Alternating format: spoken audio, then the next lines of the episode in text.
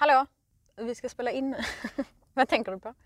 Ah, oh, förlåt. Jag satt och tänkte på Maillard-effekten. Va, vad sa du? Maillard-effekt? Ja, eller Maillard-effekten, hur man nu säger det på franska. Vad är det? Ja, men det är det här som gör att det blir godare när du rostar eller grillar någonting. Till exempel rostat bröd. Jag tänker på 16 000 skivor rostat bröd. Okej. Okay. Avfallet är en podd som produceras av miljöföretaget Sysav. En lite smånördig miljöpodd för dig som gillar sopor. Eller ja, hur sopor hänger ihop med konsumtion, miljö och klimat och så. Avfallet, en riktigt sopig podd helt enkelt.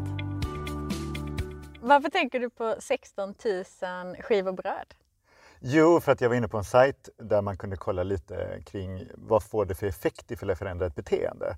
Och då jämför de det med någonting och jag tycker att de där jämförelserna ibland är lite knasiga. Här var det om vad händer ifall jag slutar läsa papperstidning och istället går över och bara läser den på min platta istället.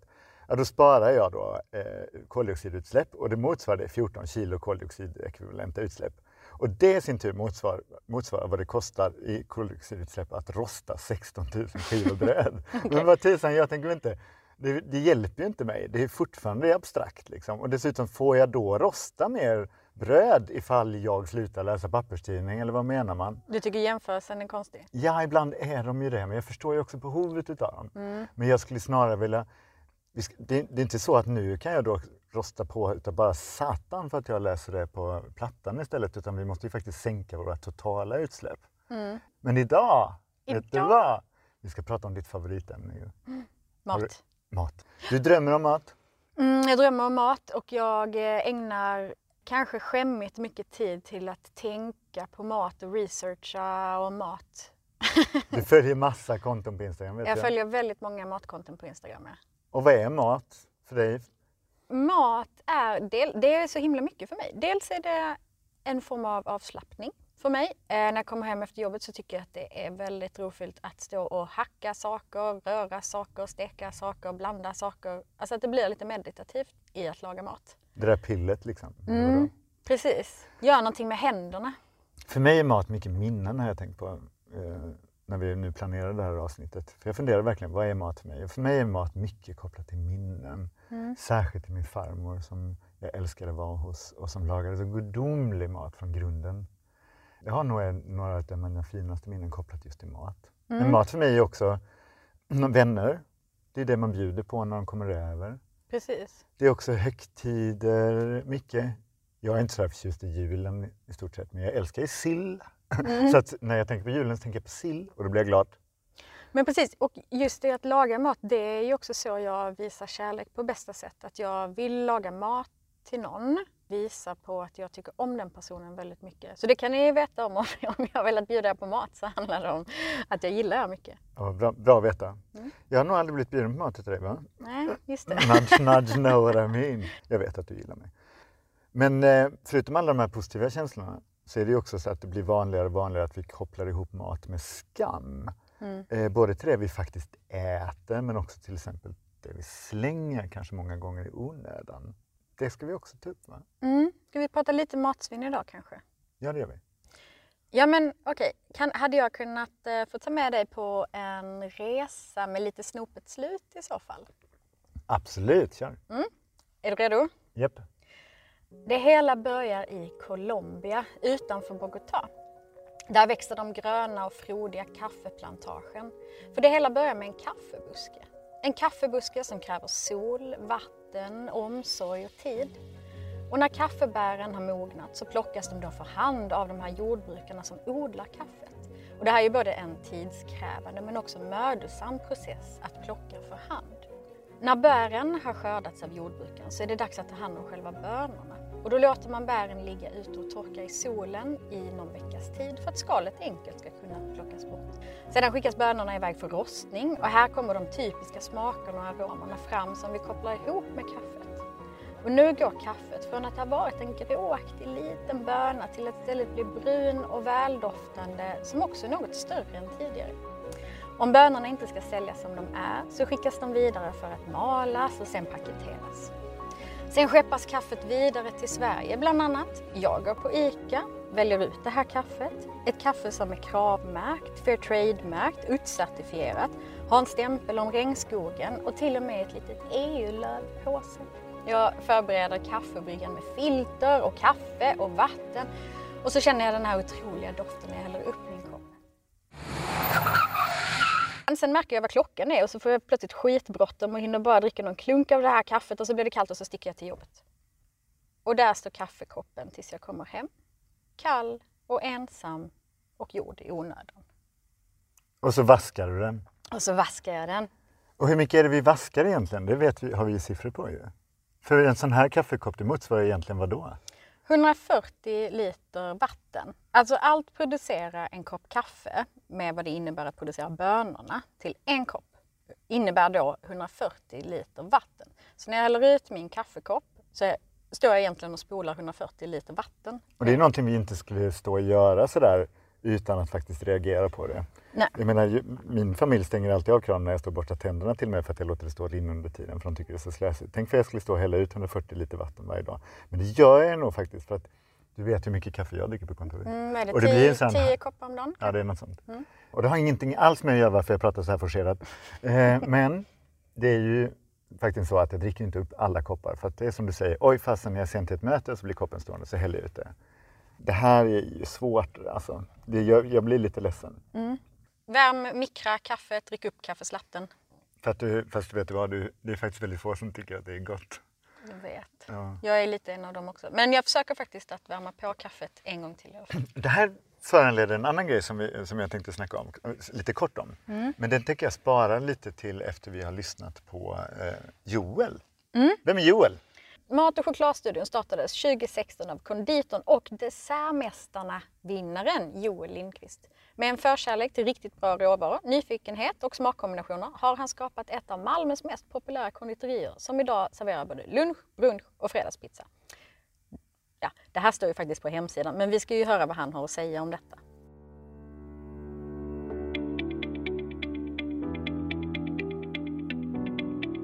Hej Joel! Hej! I det här avsnittet så pratar vi om hållbar mat bland annat. Vad innebär det begreppet för dig? Eh, hållbar mat för mig är ett ganska, eh, ganska stort begrepp. Alltså man kan ju direkt, först och främst, vad finns på tallriken? Hur hållbart är det? Säsonger, det är liksom den enkla biten kanske. Men sen gäller det att titta i det större perspektivet också. Vad händer med vad är det som går i, i, i papperskorgen? Vad, hur mycket har vi köpt in? Eh, och kanske ännu viktigare än det, själva framställningen. Var kommer det ifrån? Har det åkt över halva jorden? Hur har det framställts? Och vi försöker alltid att täcka in alla de bitarna. Det är väldigt enkelt att jobba med mat, bara titta vad som är i säsong. För som någon av de stora kedjorna säger så är det ju det är alltid säsong någonstans på jorden. Du kan alltid handla rabarber på, på nyårsafton om du vill. Just det, för att det är eh, säsong ja, någonstans. någonstans. Det är ju lite fult. Ja, verkligen. Men eh, nej, så där är väldigt mycket. Men det enklaste är ju bara att titta vad, vad, vad är säsong här? Och i och med att vi lever i ett ganska avlångt land med vi kan ha fyra årstider samtidigt, så vad finns i säsong kanske inom 12 mil härifrån? Vi har 12 mil som är lite av våran magiska gräns. Vi försöker hålla 90 procent av våra inköp från inom 12 mil härifrån. Okej. Ehm, Eh, är ha, hallå, hallå, eh, pausa, pausa lite. Vill, du, vill du kommentera det Joel säger? Ja, jag kommer glömma bort det annars. Här tycker jag det är så jäkla svårt alltså. För att hur ska jag som konsument hålla reda på hur långt någonting, någonting har åkt?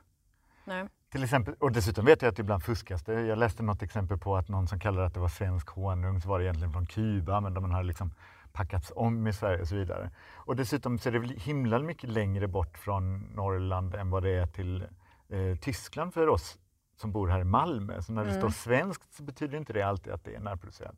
Nej. Och han säger att han ska hålla sig inom en radie av 12 mil, men det står ju inte på det jag handlar. Behöver vi någon märkning till?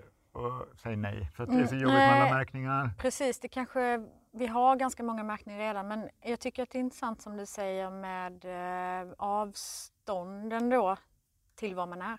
Okej, men eh, ska vi lyssna vidare? Ja, okej. då ser ni också utifrån hållbarhet på massa olika aspekter. Eh, dels avstånd som du nämnde, mm. matsvinn, vad är det ni slänger? Precis, vad, kan, vad, vad, är det som man inte behöver slänga? Mm. När du står och skalar 20 eh, kilo morötter, mm. måste du slänga skalet eller kan du till exempel blanchera det, stoppa in det i torkskåpet och göra ett morotspulver eller ett morotssalt av det? Mm. Hela den biten, vad, vad kan du göra med det som normalt sett går i papperskorgen? Mm. Det allra gröna, yttersta gröna fula på purjolöken kanske du kan mixa till en olja. Kan du, hur mycket kan du ta hand om? Och även i dagsläget med, med eh, restriktioner och coronakris och allting så är det ju eh, väldigt svårt att beräkna antalet gäster för att mm. det är som en berg och dalbana med många som vill komma hit och äta. Och du måste ju ändå vara förberedd för en visst antal gäster. Vad gör, vad gör du med maten som blir över? Mm. Den färdiglagade fina maten som är över, den kan du inte servera som dagens nästa dag. För att det är ju, du kan inte ha samma rätt två dagar på raken. Liksom hur, var, då måste du ha kreativa människor som kan återanvända det här på, på olika sätt för att inte slänga eh, slänga pengar direkt ner i papperskorgen. Mm. Och sen eh, som sagt just avståndet och det handlar ju inte bara om att det är de fysiska 120 kilometrarna utan det är även också att det är när producenter ligger så pass nära så får du en annan relation. Ofta så träffar du dem öga mot öga, du vet vad de heter, du vet hur det ser ut på deras odlingar, du har en helt annan känsla för du skapar liksom en mänsklig relation istället bara för att gå in på en hemsida, knappa in mm. persilja och sen eh, kommer den från Iran eller kommer den från eh, eh, Ugglarp, du har ingen aning. Nej. Och restaurangbranschen kan ju vara väldigt traditionsbunden ofta. Men du är ju nytänkande i så fall. Vad är det som har gjort att du vågar tänka på det här sättet? Alltså, jag tror nog ändå att inom restaurangbranschen inom allt som är kanske från eh, har mellanambitioner och uppåt så är det ganska orealistiskt idag att försöka jobba utan att ha säsongstänket. För där har det blivit en sån viktig grej. För att du har fokus på mat men också priset, hänger, priset på råvaran hänger ihop väldigt mycket med säsong. Svenska mm. jordgubbar är som billigast veckan efter midsommar när de är som bäst och det är som soligast. Um, så att då kan du också liksom binda ihop ekonomin med ekologin på ett väldigt bra sätt. Så att jag tror att på, på högre nivå, med, efter en viss ambitionsnivå, så är det ganska naturligt. Problemet är väl de som ligger under den ambitionsnivån och det kan vara allt från skolkök till eh, stora kedjor där det, finns, där det inte finns det tänket utan man kanske mer utgår från priset på råvaran. Här är en morot, den kostar så här mycket om den är skånsk, så här mycket om den är dansk eller så här mycket om den kommer från Italien. Mm. Vilken är billigast? Ja, den italienska, ja men då tar vi den. Mm. Istället för att se det på omvänt. Ehm, och där är det väl väldigt bra att den, den, trenden har varit väldigt stor inom eh, restauranger med ambitionsnivå för det rinner ändå neråt tanken även eh, skolkök och, och, och andra snappar upp det mer och mer. Mm. Däremot skulle jag väl säga att själva konditoribiten är som ett svart jävla hål när det kommer till att, att hålla på med säsonger. Där är okay. liksom passionsfrukt och jordgubbar och kiwi på tårtor. finns inget eh, säsongstänk. Och där, där är vi en av få som överhuvudtaget tänker till att du kanske inte alls ska ha jordgubbar året om i allting. Nej. Varför har det blivit så då att du tycker att detta är viktigt? Var kommer dina idéer ifrån? Ja, för mig har det alltid varit ganska naturligt. Eh, just det här att, att kunna äta det som man ser. Och, och eh, sen är det mycket när jag jobbade på Salt och Brygga här i Malmö som köksmästare så var det, var det ett väldigt viktigt fokus att det skulle vara ekologiskt och närproducerat och i säsong. Och det är mycket roligare att jobba så också när du, när du kan liksom få hem råvaror som är helt fantastiska än lite halvdassiga råvaror som kommer långt bort ifrån. Ja, men ju mer man jobbar med det desto mer inser man hur, hur svårt det är att liksom tänka i nästa led och nästa led. Och, och, ibland så kan också de här hälso hälsotrenderna kan väl gå lite stick i stäv med den andra biten. Till exempel ja, men, quinoa till exempel som har blivit väldigt modernt mm. och väldigt hälsosamt och nyttigt. Mm, framförallt kanske ibland om man har valt bort köttet liksom, för att det är mycket protein, det är näringsrikt det är ganska billigt för du köper in ett kilo för ett visst pris och sen så kokar och då har du plötsligt fem kilo. Så mm. att, eh, och inget svinn. Men det produceras under riktigt taskiga förhållanden i Peru, större delen av det, där befolkningen som bor i de här områdena oftast innan hade det som sin huvudsakliga proteinkälla, men idag har vi tagit bort deras huvudsakliga proteinkälla för att det är mycket mer lukrativt att exportera all quinoa till Europa. Så hälsan kommer till Europa istället Ja, för att stanna precis. lokalt? Okej. Mm. Men då kan du istället, det finns eh, ekologiska svenska quinoaodlare som, är, som odlar quinoa och tar ut en riktig lön och betalar riktig skatt och det är en svindyr quinoa i inköp. Mm. Men den kanske kostar vad den borde kosta istället. Men tycker du att det förekommer mycket greenwashing i restaurangbranschen då? Ja, det gör det väldigt mycket tycker jag. Mm. Det, det allt från eh, kedjor till mindre restauranger. Så det- det är ju mycket, mycket snack och lite certifieringar eh, och lite eh, de har inte så mycket kött på benen när man väl ställer en följdfråga kan jag tycka. Nej. Många gånger. Eh, tyvärr. Och sen om det är en kunskapsbrist eller om man, man verkligen medvetet eh, ljuger om det. Det är kanske upp till Livsmedelsverket att avgöra när de gör sina kontroller. Men eh, det är absolut. Verkligen. Då ska vi faktiskt gå över till just semlan. Mm. Ehm, för dina semlor, inte alla semlor, men den som du kanske säljer mest av innehåller ju mandel. Ja, Eh, och det skrev vi på SYSAV om hur, hur dum mandeln är för klimatet och, och miljön. Hallå, hallå, hallå, hallå, Mm. hallå. Hur sa du mandel? Mandel? Mandel! Ja, du uttalar det jättekonstigt. Men du, på tal om mandel, eller mandel. Såg du inlägget som gjordes på vårt eget Instakonto, alltså SISAFs Instakonto? Om eh, klimatpåverkan utifrån mandeln? Ja, och framförallt vattenåtgången. Kommer du ihåg hur mycket vatten som det går åt för att eh, odla mandlarna som behövs till en enda semla? Nej, jättemånga. 68 liter för en semla. Ifall vi räknar om det här till alla semlor som vi äter på fettisdagen, 6 miljoner semlor. All denna mandelmassa går då åt 400 miljoner liter vatten till mandelmassan enbart. Deppigt va? Ja. Men samtidigt, det finns ju alternativ. Det snackar ni om hoppas jag. Mm. Det ska vi lyssna på nu, vad- Joel har att säga. Ifall jag inte avbryter igen.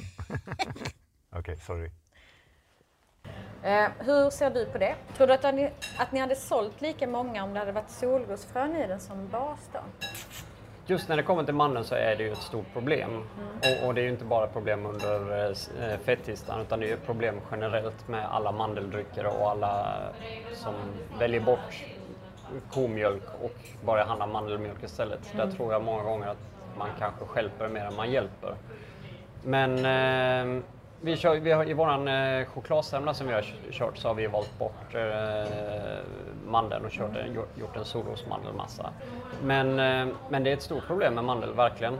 Vi har ju valt bort mandel i alla andra former eh, i princip. Eh, vi har lite mandel i någon tårtbotten. men vi- Utifrån en miljöhänsyn då? Enbart utifrån Ja. miljö, miljöhänsyn. Eh, Den lilla mandeln vi använder är oftast ekologisk i alla fall som är lite plåster på såren.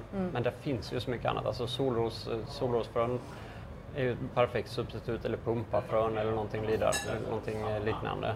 Det, det funkar ju jättebra. Och att förändra beteenden hos människor är ju något av det svåraste. Det vet både jag och Rustan om som jobbar med det. Eh, och mat är ju så laddat med en massa känslor och värderingar och traditioner. Hur ser du på det? Kan man förändra, för, försöker du förändra dina kunders beteende då genom maten? Det försöker vi verkligen. Jag, det är väl en av våra mål skulle jag kunna säga, att, att vi vill kunna förändra folks beteenden och det, det jobbar vi med varje dag. Folk har väldigt förutfattade meningar om vegetarisk mat. Du blir inte mätt, det är inte lika smakrikt, du får ont i magen eller du blir pruttig av det. Liksom. Och, och där kan man stå och föreläsa hur många timmar som helst men det, du kommer aldrig övertyga någon till att sluta äta kött eller välja bort kött genom att prata dem till det. Det enda sättet att få folk att vända om det, det är genom faktiskt att få i dem en måltid av det och sen att de får märka att det smakar helt fantastiskt på grund av de bra råvarorna vi jobbar med. Att du håller dig mätt jättelänge på grund av att det var korallins i som har 25% protein, lika mycket som en köttbit och, och liksom, ja, hela den biten. Det, det finns ett sätt att vända om folk och det det är genom att få in en sked i munnen på dem. En sked i munnen? Ja, det, det är det enda sättet, tror jag verkligen. Och, och det är något som vi jobbar med jättemycket och många, har många exempel på det när det kommer in någon hantverkare eller någon som jobbar väldigt mycket fysiskt som eh, kommer hit med, blivit hitbjuden av något, någon, någon, någon vän. Och de, man märker på dem att de har aldrig varit på ett vegetariskt ställe först. Och är väldigt skeptisk till att de inte kan få kött eller fisk eller något liknande. Äter sin måltid, är jättenöjd, säger de, det vet man aldrig. Sen går det några dagar, sen kommer de tillbaks igen med en hantverkskollega som i sin tur är lika skeptisk, men du har vunnit över den första personen. Och jag har så många gånger hört att ja, jag har nog aldrig hållit mig så mätt eller varit så energirik på jobbet som efter jag var hos er. Och, och det är utan att äta kött. Mm. Så att jo, absolut, det går verkligen att omvända folk, men du måste få dem själva att ta det här steget, att de går med på att stoppa in maten i munnen. Där mm. kan du vinna dem. Hur tänker ni kring att just kommunicera hållbarhet? Är det någonting ni gör i sociala medier till exempel eller är det någonting som ni har valt att inte göra utan först och främst kanske prata om smaken? Vi, vi eh, kommunicerade till viss del i sociala medier. Vi vill inte försöka skriva på näsan på folk. Mm. För att jag tror, som sagt, jag tror att det kan, eh, kan ha lite motsatseffekt. Sen vissa saker, vi, när vi använder eh, skånsk quinoa så skriver vi väldigt gärna att det är skånsk quinoa eller skriver vilken gård det kommer ifrån. Vi kan skriva gärna eh, att eh, den här linsen innehåller så här mycket protein, lika mycket som en köttbit. Eh, lite sådana små saker eller skriva att vi är väldigt stolta över att vi jobbar med det här mejeriet till alla våra mejeriprodukter för mm. att de är bäst. Eh, lite små saker men jag tror inte, vi försöker undvika att skriva folk på näsan utan lite mer, lite mer fokus på kreativ, vacker, god mat och sen så kan man ta den lilla föreläsningen när man serverar dem istället. Då kommer de inte undan, då sitter de här. Just det, vågar inte springa ut då. Nej. Till sist Joel, hur kan jag som individ tänka eller göra för att äta gott och rädda världen? Du kan komma hit och äta oftare. Nej, men eh, seriöst så eh, jag tror börja titta på vad som växer runt omkring dig. Alltså verkligen titta vad som finns i säsong. Du behöver inte äta tomater hela vintern. Du överlever garanterat utan det. De smakar ändå, ändå ingenting, de är pissdyra. Skit i det, ät det när det, när det finns. Börja liksom lära dig lite av säsongen. Börja titta lite på vad det finns för bönor och baljväxter och sånt som du kan köpa från andra sidan jorden men som du också kan köpa väldigt lokalt. Handla gärna på rekoringar istället för att åka till super, eh, supermarkets liksom, och, och alltså börja titta på alla de här små grejerna som, är, som inte kräver några livsförändringar utan bara kräver en ytterst liten tanke eller en googling eller titta lite på Instagram på lite matprofiler och så får du ganska mycket gratis utan att du behöver ändra för mycket. För att jag tror, då orkar man inte. Ska man ändra för mycket så, så orkar inte folk. Och det ska vara roligt också att ställa om. Verkligen. Där kan man verkligen lära sig av själva köttbiten tycker jag. Att börja titta på grönsaker med ur kötttillberedningsmetoder. Mm. Att konfitera, att grilla. Alltså en köttbit, det är ju heligt för många. Det ska marineras och det ska först stekas på hög värme och sen ska det lågtempereras eller det ska sous vidas. Men gör likadant med grönsakerna. Mm. Du kan behandla en eh, rotceller eller morot precis likadant. Marinera, ge den ordentligt med eld på en jättevarm grill. Sen ner i en vakuumpåse med lite smör och kryddor och sen så köra på 84 grader över natten. Och du får liksom morötter eller vad det nu är för grönsaker som smakar helt fantastiskt. Och då får du ju in hela den här matlagningsbiten om du tycker det är kul att laga mat. Du får hela, eh, hela smakbiten som blir helt ny. För det är ju inte kul att äta en morot rakt upp och ner. Det tycker, och jämföra med en köttbit som Nej. man har lagt 10 timmar på. Nej, verkligen. Men just att jobba med samma typer av metoder, samma tillberedningssätt. Kolgrilla saker, slänga ner hela lökar i, i kolen och låta dem ligga där tills de är lagade hela vägen igenom. Liksom. Då får, får, du upp den här matglädjen på ett helt annat sätt, eller matlagningsglädjen. Vad hungrig jag blir. Ja, jag med. Tack så jättemycket Joel. Tack själv, jättekul att vara med.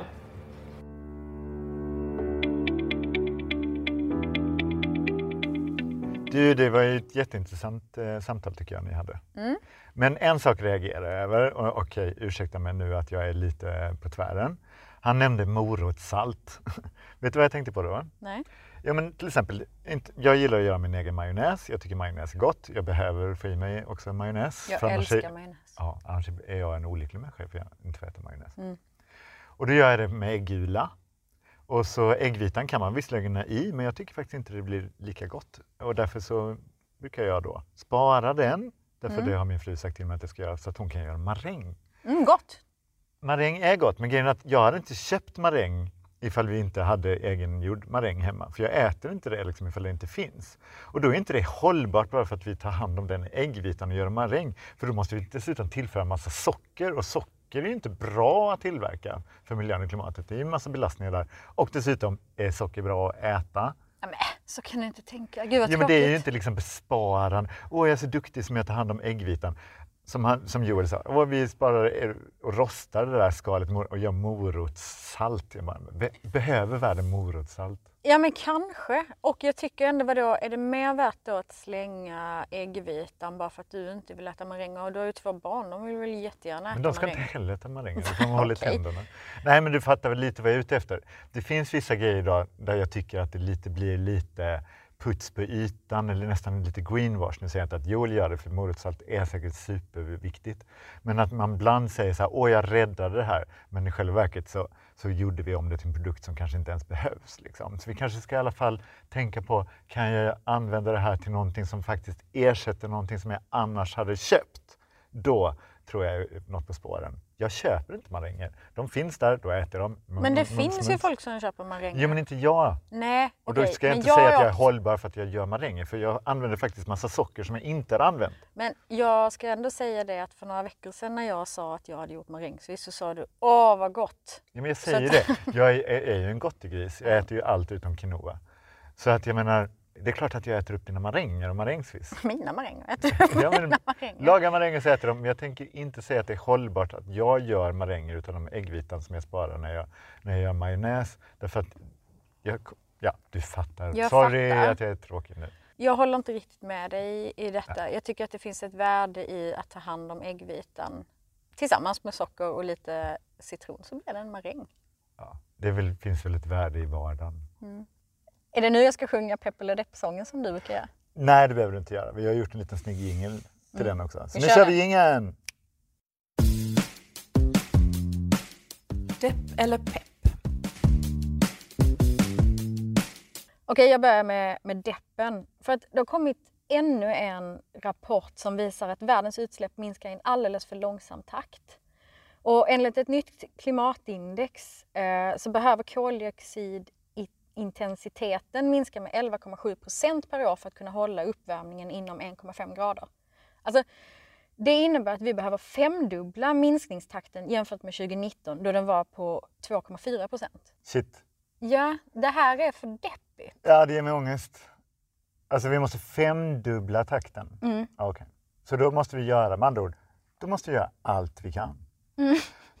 Okej, men då tar jag peppen ändå. Därför att jag, vi pratade ju om det här förra avsnittet lite med vad det är som faktiskt triggar beteendeförändring på riktigt. Och det är inte de här negativa budskapen. Det kan till och med få motsatt effekt. Ann. Tänkte du inte på det nu när du deppade ihop? Tänk nu alla som stängde av och bara pallar inte längre. För att jag läste en fantastiskt bra eh, rapport däremot som visar lite på det positiva om ifall vi ställer om och lever mycket mer hållbart. Alltså, vad händer ifall vi kör mindre fossildrivna bilar in i städerna? Vad händer ifall vi äter mer hållbart, det vill säga mindre kött och så vidare och tar cykeln istället? Och då har de räknat ut att varje år kan man spara miljontals liv på denna omställning. 1,2 miljoner förtida dödsfall kan undvikas tack vare renare luft, alltså mindre partiklar från dieselbilar i städer och liknande. 5,8 miljoner människors liv kan räddas genom att vi minskar köttätandet, för vi äter faktiskt så mycket mer kött än vad vi, våra kroppar vill ha. Så vi blir sjuka. Och 1,2 miljoner människoliv kan helt enkelt räddas genom bara mer vardagsmotion. Gå Att leva och mer hållbart. gå och cykla istället för att ta bilen in i stan och så vidare. Mm. Så att det här är det vi ska snacka om, att vi räddar liv med ett härligt hållbart liv. Pepp, pepp, pepp, pepp. Okej, tack. Jag har tänkt på en sak. Mm. När vi pratar om mat och hållbarhet så är det alldeles för ofta utifrån ett medelklassperspektiv om du förstår vad jag menar. Att man har råd att välja bort saker. Precis, jag, jag väljer bort biffen. Mm. Det vi glömmer många gånger, eller i alla fall jag glömmer många gånger, det är att alla har inte råd att äta en biff. Nej. Det finns alldeles många människor som inte har råd att äta sig mätta ens en gång. Nej. I Sverige. Och det här gör väl att mat, vi måste komma ihåg det att det finns också en moralisk bit i, när det handlar om mat och matsvinn. Så även ifall det är bra för klimatet och det är absolut nödvändigt att vi gör saker som är bra för klimatet, eh, don't get me wrong, men det är också faktiskt så, vi ska inte slänga mat så länge det finns människor som inte har mat att äta sig mätta på. Nej. Och det brukar ju ibland pratas om att det sker så himla långt borta, men det sker ju även i Sverige att människor inte kan äta sig mätta eller inte har råd att köpa mat. Och det sker i Malmö. Mm. Och jag snackade ju med eh, Ali Reza från Skåne Stadsmission om detta Mm. och spelade in det samtalet. Vill du höra lite på det? Jättegärna. Hej, det här är Ali Reza från Skåne Stadsmission. Jag jobbar som enhetschef för sociala företag på Stadsmissionen i Malmö. Hej Alireza och tack för att du vill vara med i podden. Hej. Vi har ju pratat mycket mat i det här avsnittet, eh, jag och Ann, och vi älskar mat på olika sätt. Vi älskar mat som pedagoger, men vi älskar framförallt att äta mat. eh, Mm och vi har ju, utgår ju nästan alltid enbart från det ekologiska hållbarhetsperspektivet som miljöpedagoger. Som vi jobbar på ett eh, avfallsföretag så är det ju liksom den ekologiska hållbarheten som är vår kärnverksamhet så att säga. Men ni, eh, ni jobbar ju också med social hållbarhet. Kan du inte berätta lite, vad gör du på Skånes Stadsmission? Ja, det stämmer också. Vi älskar också mat, men som du säger så jobbar vi med eh, social hållbarhet i samband med att vi jobbar med miljöhållbarhet. Vi ger, Stadsmissionen ger stöd till eh, olika målgrupper, både akuta och långsiktiga stöd. Och maten är viktig i alla arbeten som vi, vi gör. Eh, för att helt enkelt man ska ha någonting i magen för att fortsätta och kämpa på och gå vidare. Och inom sociala företagen så jobbar vi mycket med arbetsintegrering i samband med att vi har matbank, vi rättar mat, mat ö- överproducerade mat eller överskott mat från olika kanaler. Så ni räddar mat alltså? Det gör vi, ja det gör vi ungefär 200 ton per år i, i dagsläget. Ska bli lite mer, 400 ton nästa år. Och vi hämtar maten från, eller vi får maten levererade från olika aktörer och sen eh, vi levererar vidare till sociala verksamheter eller vi delar ut i form av matkassar. Hur många finns det i Malmö som idag behöver hjälp med mat, alltså som inte kan äta sig mätta utan er, er hjälp? Behovet i Malmö är tyvärr stort. En, en en undersökning av Rädda Barnen för två år sedan, ett och ett halvt år sedan, visade sig att var fjärde barn i Malmö lever i någon form av fattigdom, matfattigdom. Eh, Så vi försöker göra vårt bästa för att ge långsiktiga stöd också, att, att alla ska ha tillgång till nyttig och näringsrik mat i Malmö. Det låter som väldigt många tyvärr. Man blir lite ledsen när man hör det. Nu har ni också startat något som ni kallar Matmissionen. Ja, det stämmer och det är något roligt som vi kan berätta lite mer. Matmissionen är en social livsmedelsbutik med syfte att ge långsiktiga stöd till, de som har inkomst men inkomsten inte räcker till att handla mat på vanliga butiker. Det är helt enkelt man kan bli medlem hos Matmissionen, kommer att handla matvaror på ett kraftigt reducerat pris, låt oss säga 10% av pris på, hos andra aktörer. Och man kan välja själv eh, vad man vill, hur mycket man vill och när man vill. Eh, genom Matmissionen kan vi ge stöd till en bredare målgrupp. Vi kan möta till exempel pensionärer som vi inte möter idag i matkassautdelning. Nu har vi bara barnfamiljer som hämtar matkassa. Då kan vi, då kan vi möta andra målgrupper som lever i fattigdom som behöver stöd, långsiktigt stöd. Och allt handlar också om egenmakt. Egenmakt är någonting som det är, ett, det är något speciellt för oss människorna. Vi ska ha egenmakt. Vi ska välja vad vi vill, hur mycket vi vill och sen betalar vi för den som vi vill. Så jag vill att alla som har inkomst, en inkomst oavsett om de har barn eller inte barn i slutändan ska kunna handla på Matmissionen om inkomsten inte räcker, inkomsten inte räcker till att handla på en vanlig butik. Ni räknar med att kunna rädda 400 ton mat nästa år? Eller så? I slutet av, år, i, I slutet av 2021 ska vår matbank ha kapacitet att hantera 400 ton matöverskott per år. Det är fantastiskt. Jag vet inte om du har sett siffror, men det finns ju skrämmande siffror på hur mycket mat som kastas idag. Alltså inte matavfall, inte bananskalet utan bananen. Yes. Upp till 40 procent utav det vi köper hem till hushållen kan hamna som avfall. Vad gör, hur känner du när du läser och ser sånt med tanke på vad du jobbar med? För du ska bli lite personlig. Ja, jag kan berätta lite om personliga känslor när jag äter mat. För att jag älskar också mat. Jag lagar mycket mat. Och varje gång kommer jag till att slänga någon mat tänker jag att det finns människor. Jag har träffat människor, många, många, som inte har den produkten som jag ska slänga. Och då blir det mycket mer, det blir tungt för mig att slänga den maten. Även om ja. det är lätt i praktiken att man bara slänger matavfall. Och man säger att det är matavfall, det går till återvinning, det går till jorden igen. Men att det finns människor redan nu, när vi pratar här, finns 30 000 människor som lever på gatorna. Och de har inte den maten som vi har. Bra. Eh, tror, hade alla kanske hade varit förtjänta av att jobba lite ideellt med den här frågan för att därigenom få extra anledning att tänka sig för hur vi beter oss. Det, det föranleder nästa fråga jag har. Hur kan jag som enskild eh, individ hjälpa, hjälpa till tycker du? Vad kan man göra då för att både jobba med social hållbarhet och samtidigt kanske få lite vinster ekologiskt och miljömässigt? Det kan vara volontär, man kan skänka eh, pengar motsvarande en matkassa till dem. Eller eh, vi har olika, till exempel Stadsmissionen har olika presentkort som man kan köpa på hemsidan. Det kan, det kan gå till en matkassa till barnfamiljer, det kan gå till en måltid till eh, några som kommer att äta frukost på Café David till exempel. När det gäller själva donation av matvaror så får vi tyvärr inte ta emot matdonationer från privata personer och det handlar om matens spårbarhet. Så vi måste följa dem. Vi är en mat, registrerad mataktör, matbank. Så vi måste ja, det förstår jag. dem. Men du jobbar volontärt, köpa presentkort eh, och engagera sig. Det, det och släng inte maten långt. hemma. Och släng inte maten hemma. Ät upp, lag, köp lagom mycket mat. Laga ja, det du har. Var lite mer kreativ med mat. Man kan ja. laga olika mat. Och vi, vi behandlar maten som den resurs det är eh, och det värde den faktiskt har. Stort tack att du ville vara med Alireza och eh, berätta om Matmissionen och det arbete ni gör. Tack för att jag fick vara med. Hej då! Hej då! När du nu hörde på det här, Ann, mm. vad känner du?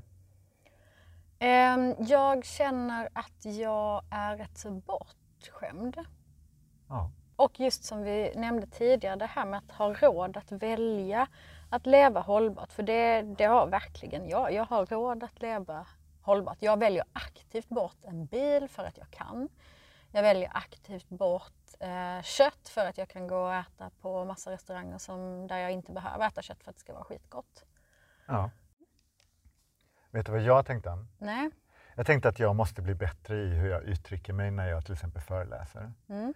Därför att jag säger ofta man och vi i Sverige som saker som till exempel Åh, maten har aldrig varit så billig som den är och vi slänger därför alldeles mycket mat.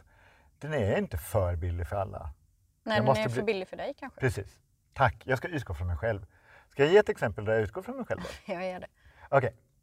Jag känner nämligen precis mitt på ett genomsnitt av en lön i Sverige idag faktiskt. Det Grattis. kollade jag. Jag är liksom så här pang på mitten. Jag är mm. medel, medelinkomsttagare. Och utav det jag tjänar så lägger jag idag ungefär 12 procent på, utav min lön, disponibla lön att köpa mat till mig. Alltså 12 procent utav min inkomst idag går till mat, till mig. Och det har aldrig varit så billigt för en medelinkomsttagare som idag. När jag föddes, mm. 1969, då la man 25 procent utav en medelinkomst på att köpa mat till sig själv. Alltså dubbelt så mm. dyrt i förhållande till vad man tjänade. Och alltså fanns det också mindre matsvinn därför att då var ju maten dyr och man tog hand om den. Den var mer värdefull. Precis. När min mamma föddes 1950, och ja, hon var bara 19 när hon födde mig, kan ni räkna ut nu.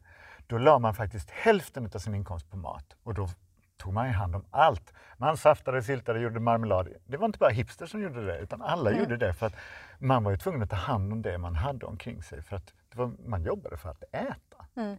Så det här överflödet som vi pratar om, det är ju relevant, relevant att prata om för det är det som också orsakar matsvinn och annan, annat massor av avfall som blir i allt snabbare takt idag. Men vi måste komma ihåg att utgå från exemplet medelinkomsttagare, inte vi i Sverige, för tyvärr har vi fattiga i Sverige idag. Vi har folk som är hungriga idag. Det var det jag tänkte när jag hörde Alireza prata. Mm, det är närmare än vad vi tror. Det är närmare vad vi tror och vi måste vara försiktiga och vi måste vara mer inkluderande i vårt språk också. Bra, det tar jag till mig. Okej. Du Ann, innan vi slutar för idag, Du Rusten innan vi slutar idag? så vet du vad jag kom på att du är? Nej. Du är en MÖP. Vet du vad MÖP är? Är inte det någon slags militärgrej? Det är jag verkligen inte. Ja, men det är de här som sitter och spanar på radar, radargrejer, stridsflyg och sånt för att de är så militärt nog- överintresserade personer. Det är men, det du, längst ifrån man kan komma med. men du är ju en matöverintresserad person, erkänn. Mm. Ja, det är jag. Du pratar ju sjukt mycket om mat. Vi delar ju kontor så jag vet ju hur mycket du pratar om mat.